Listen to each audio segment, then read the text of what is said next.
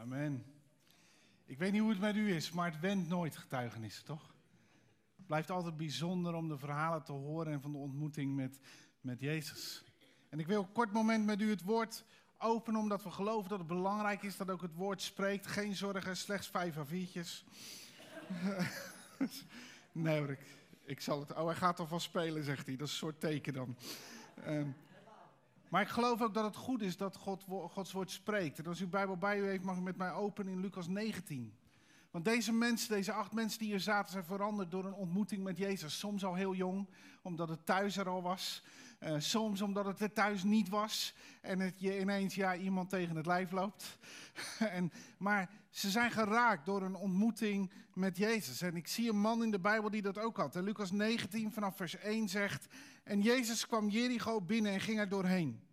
En zie, er was een man van wie de naam Zacchaeus was. En hij was oppertollenaar en hij was rijk. En hij probeerde te zien wie Jezus was, maar het lukte hem niet vanwege de menigte, omdat hij klein van persoon was.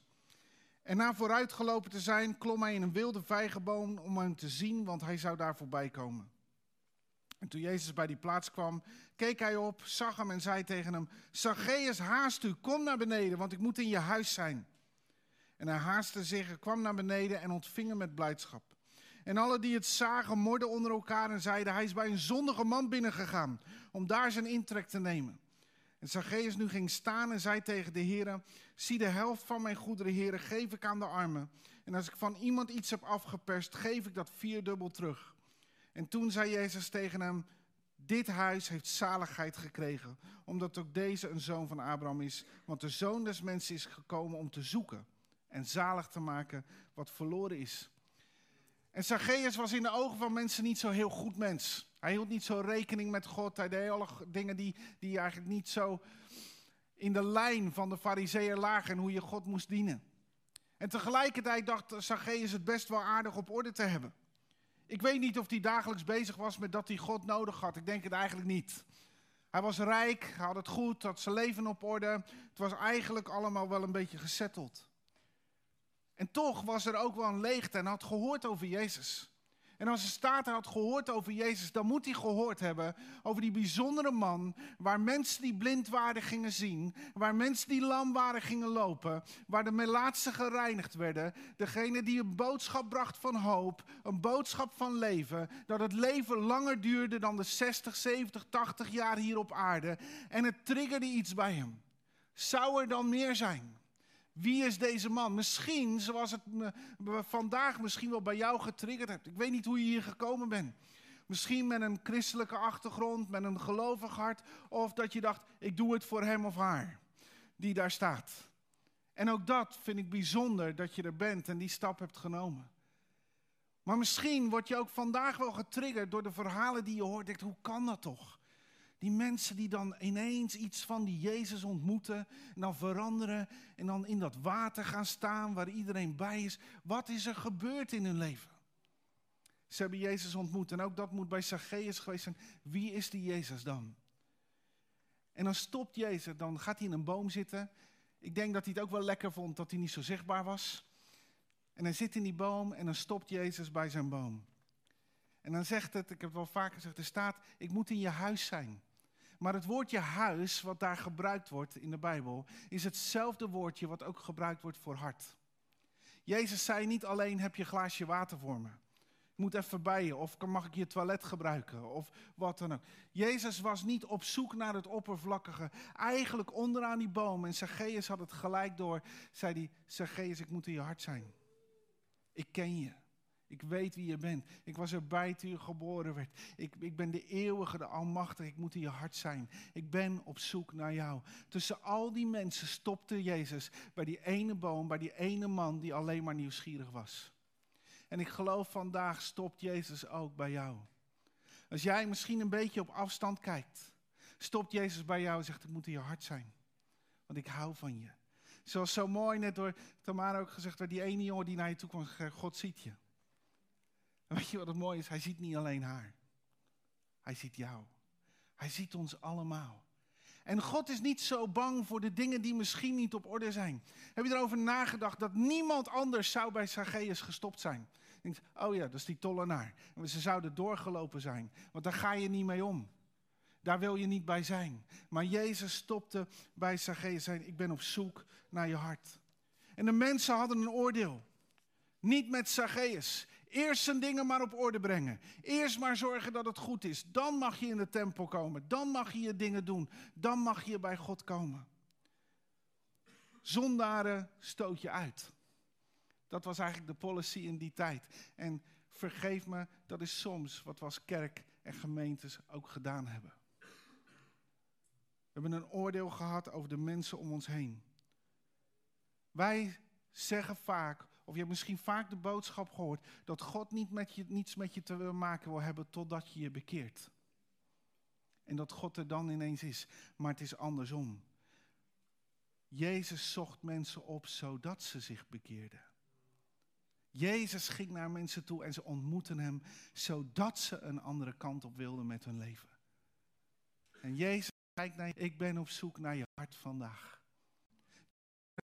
Eenzaam is daar waar raak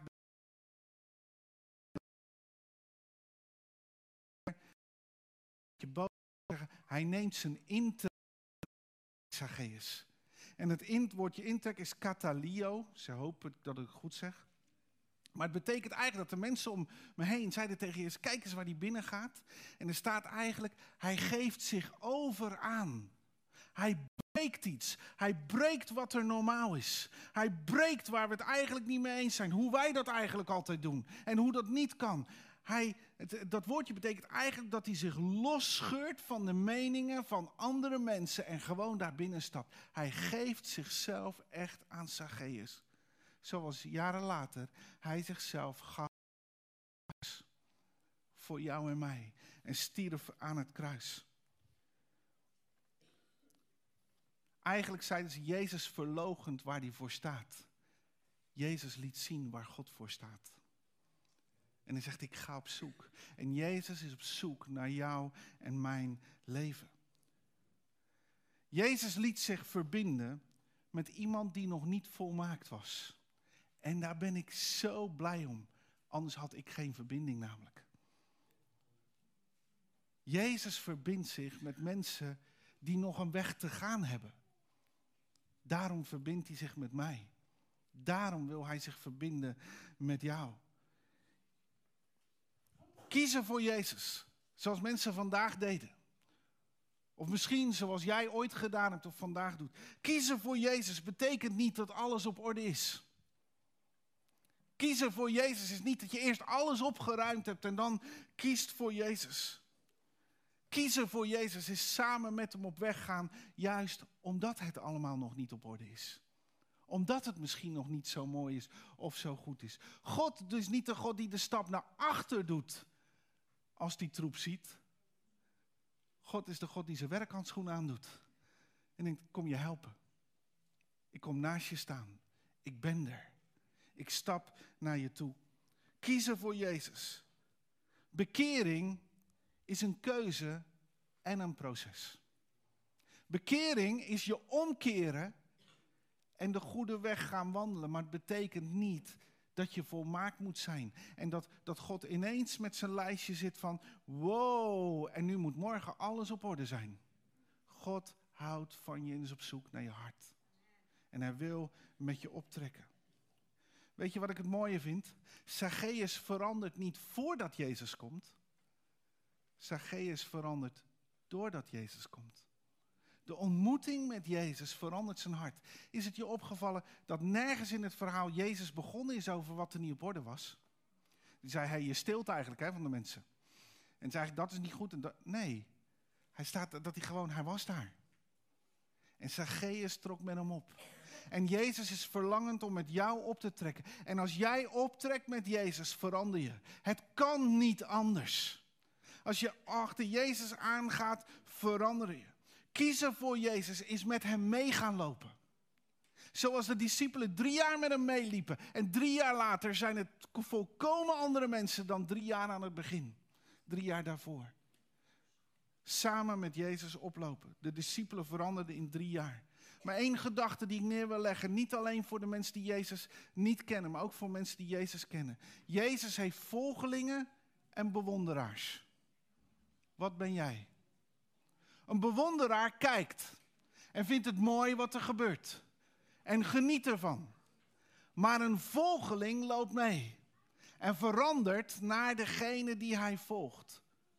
En de uitdaging ook voor jou en mij is: ben ik een bewonderaar van Jezus? Dat betekent dat ik onder de indruk van hem kan zijn en dat ik het mooi vind en dat ik geniet van zijn wonderen en tekenen en woorden.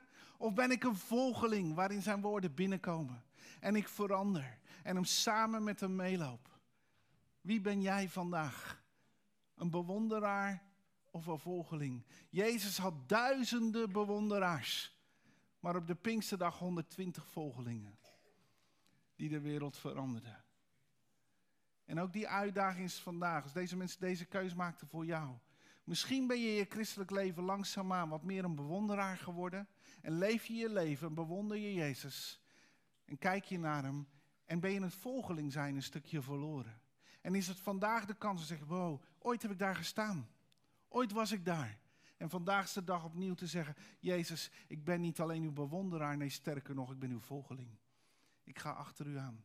En misschien ben je hier en denk je, ik zou eigenlijk daar ook willen staan. Maar Go zei het al zo mooi eigenlijk. De Bijbel zegt, bekeer je en laat je dopen. En dan zeg je wel, geef je op voor volgende keer. Laat er geen allerlei gedachten over gaan. Doe gewoon wat het woord zegt. Het woord zegt, bekeer je, laat je dopen. En als je die keuze nog niet gemaakt hebt, geef je op voor volgende keer. En zegt, ik ben die volgeling die achter u aangaat. En als u zegt, laat je dopen, laat ik me dopen. En ga ik daarin. Of misschien is vandaag wel de dag. En dat is waar ik mee wil eindigen. Misschien is vandaag wel de dag dat je voor de eerste keer zegt: Jezus, ik wil u volgen. Jezus, ik wil achter u aangaan. Ik ben geraakt door de getuigenissen, want het is mijn leven. En even of je hier nu zit of thuis aan het kijken bent. Jezus stopt bij jouw boom vandaag. De boom waar jij je misschien wel in verschuilt. Het schild wat voor je is. Hij stopt bij jouw boom. En zegt, moet in je hart zijn vandaag. En je voelde er misschien wel bonken op je hart door de getuigenissen heen. Door de liederen die klonken. En hij stopt. Niet omdat hij kijkt naar wat er misschien wel niet op orde is. Maar omdat hij kijkt naar je hart en zegt, ik hou van je.